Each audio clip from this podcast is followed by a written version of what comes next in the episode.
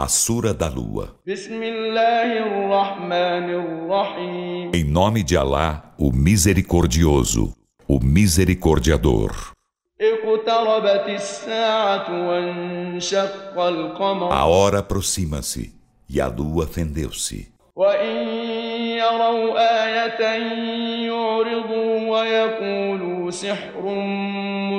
E contudo, se eles veem um sinal, dão de ombros e dizem: É magia constante? وكذبوا واتبعوا أهواءهم وكل أمر E مستقر desmentem a mensagem e seguem suas paixões. E toda ordem tem seu tempo de ser. ولقد جاءهم من الأنباء ما فيه E مزدجر com efeito, Chegou-lhes dos informes aquilo em que a repulsa à descrença.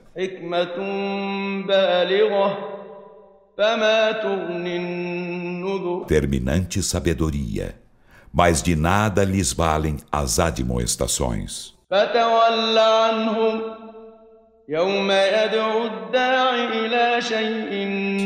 Então Muhammad volta-lhes as costas Um dia, quando o convocador os convocar a uma terrível coisa. خش عن أبصارهم يخرجون من الأجداث كأنهم جراد منتشر Com as vistas humildemente baixas, sairão dos sepulcros como gafanhotos espalhados. مهطعين إلى الداع Correndo infrenes de olhos fitos no convocador, os renegadores da fé dirão: Este é um dia difícil.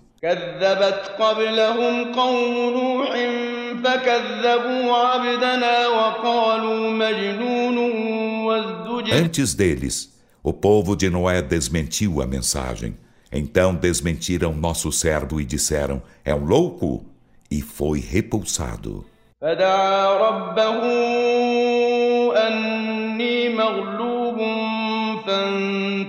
E ele suplicou a seu Senhor: Por certo, estou vencido, então socorre-me.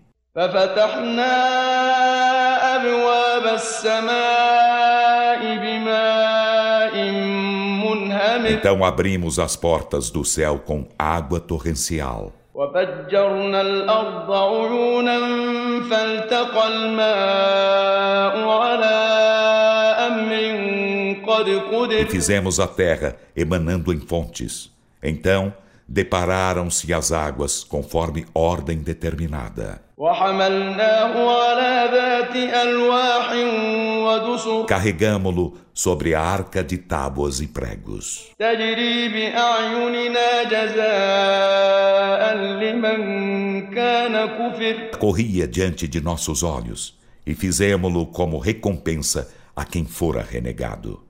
ولقد تركناها آية فهل من مدكر Com efeito, deixamo-la como sinal. Então, Há quem disso se recorde?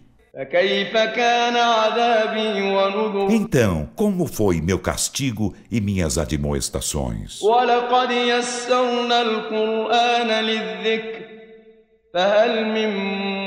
E com efeito, facilitamos o Alcorão para a recordação. Então, há quem disso se recorde? كذبت عاد فكيف كان عذابي O ونذر povo de Ad desmentiu aos mensageiros. Então, como foi meu castigo e minhas admoestações? إنا أرسلنا عليهم ريحا صرصرا في يوم نحس مستمر Por certo, Enviamos contra eles, em um dia funesto e interminável, estridente vento glacial.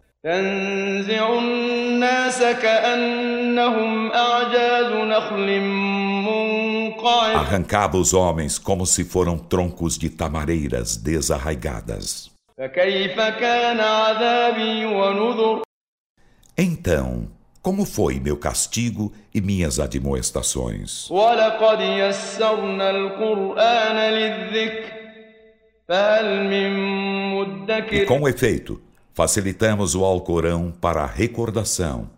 Então, há quem disso se recorde? كذبت ثمود بالنذر O povo de Tamud desmentiu aos admoestadores. فقالوا أبشرا منا واحدا نتبعه إنا إذا لفي ضلال وسعر E disseram: Seguiremos um só mortal dentre nós?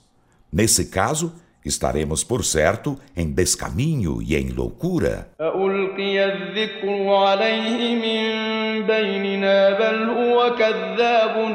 Foi-lhe transmitida a mensagem só a ele dentre nós, mas ele é mentiroso, enfatuado. Dissemos: saberão amanhã quem é o mentiroso, o enfatuado. إنا مرسل الناقة فتنة لهم فارتقبهم واصطبر Por certo, enviar-lhe-emos o camelo fêmea por provação. Então fica na expectativa deles e pacienta. ونبئهم أن الماء قسمة بينهم كل شرب E محتضر informa-os de que a água será partilhada entre eles e o camelo fêmea.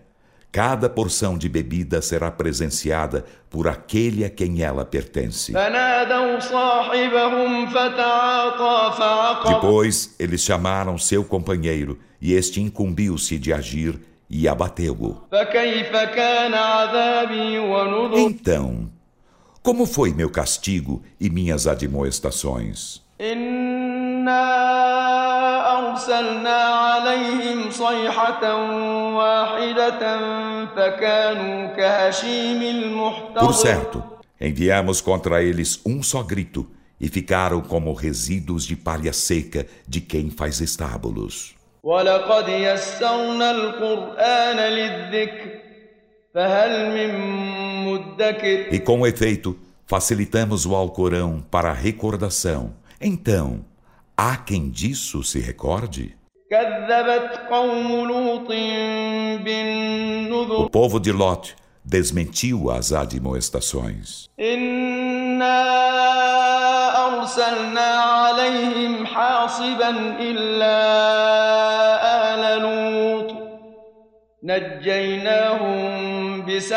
Por certo, enviamos contra eles um vento lastrado de seixos, exceto contra a família de Lot.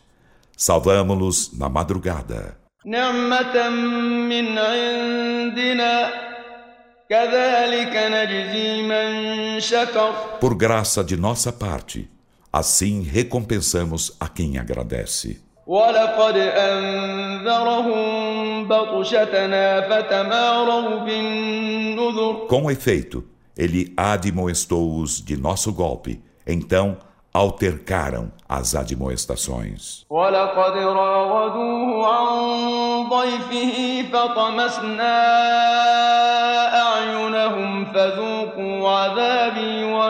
E com efeito tentaram seduzi-lo no tocante a seus hóspedes. Então apagamos-lhes os olhos, dissemos: Experimentai, pois, meus castigos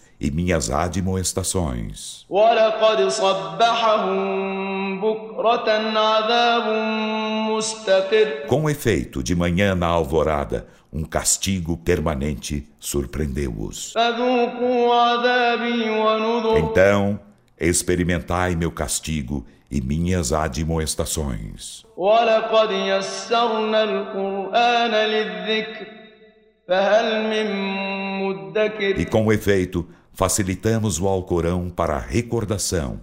Então, há quem disso se recorde?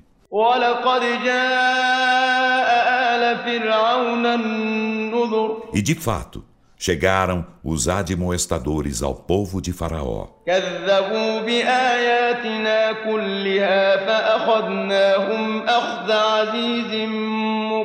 Eles desmentiram todos nossos sinais.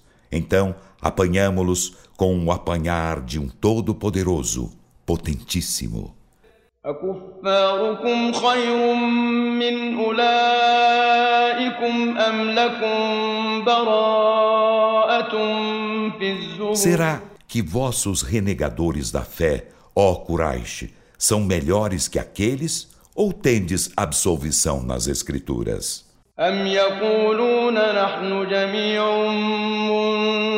Ou dizem, somos uma multidão vitoriosa?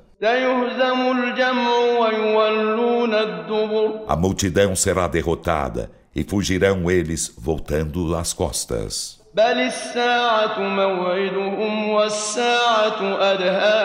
Aliás, a hora é seu tempo prometido, e a hora é mais horrenda e mais amarga.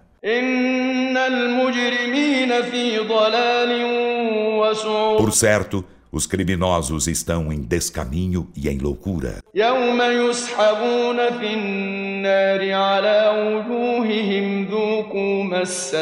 Um dia, quando no fogo forem arrastados sobre suas faces, dir-se-lhes-á: experimentai o toque de Sakar. إنا كل شيء خلقناه بقدر Por certo, nós criamos cada coisa na justa medida. وما أمرنا إلا واحدة كلمح بالبصر E nossa ordem não é senão uma só palavra, rápida como o piscar da vista. ولقد أهلكنا أشياعكم فهل من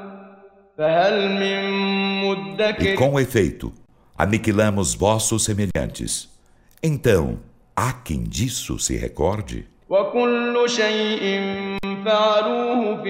E cada coisa que fizeram está nos registros. E cada coisa, pequena e grande, ali é escrita.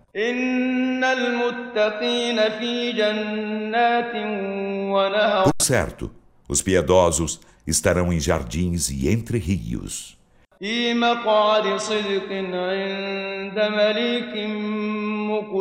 Em verdadeiro lugar de permanência, junto de um rei potentíssimo.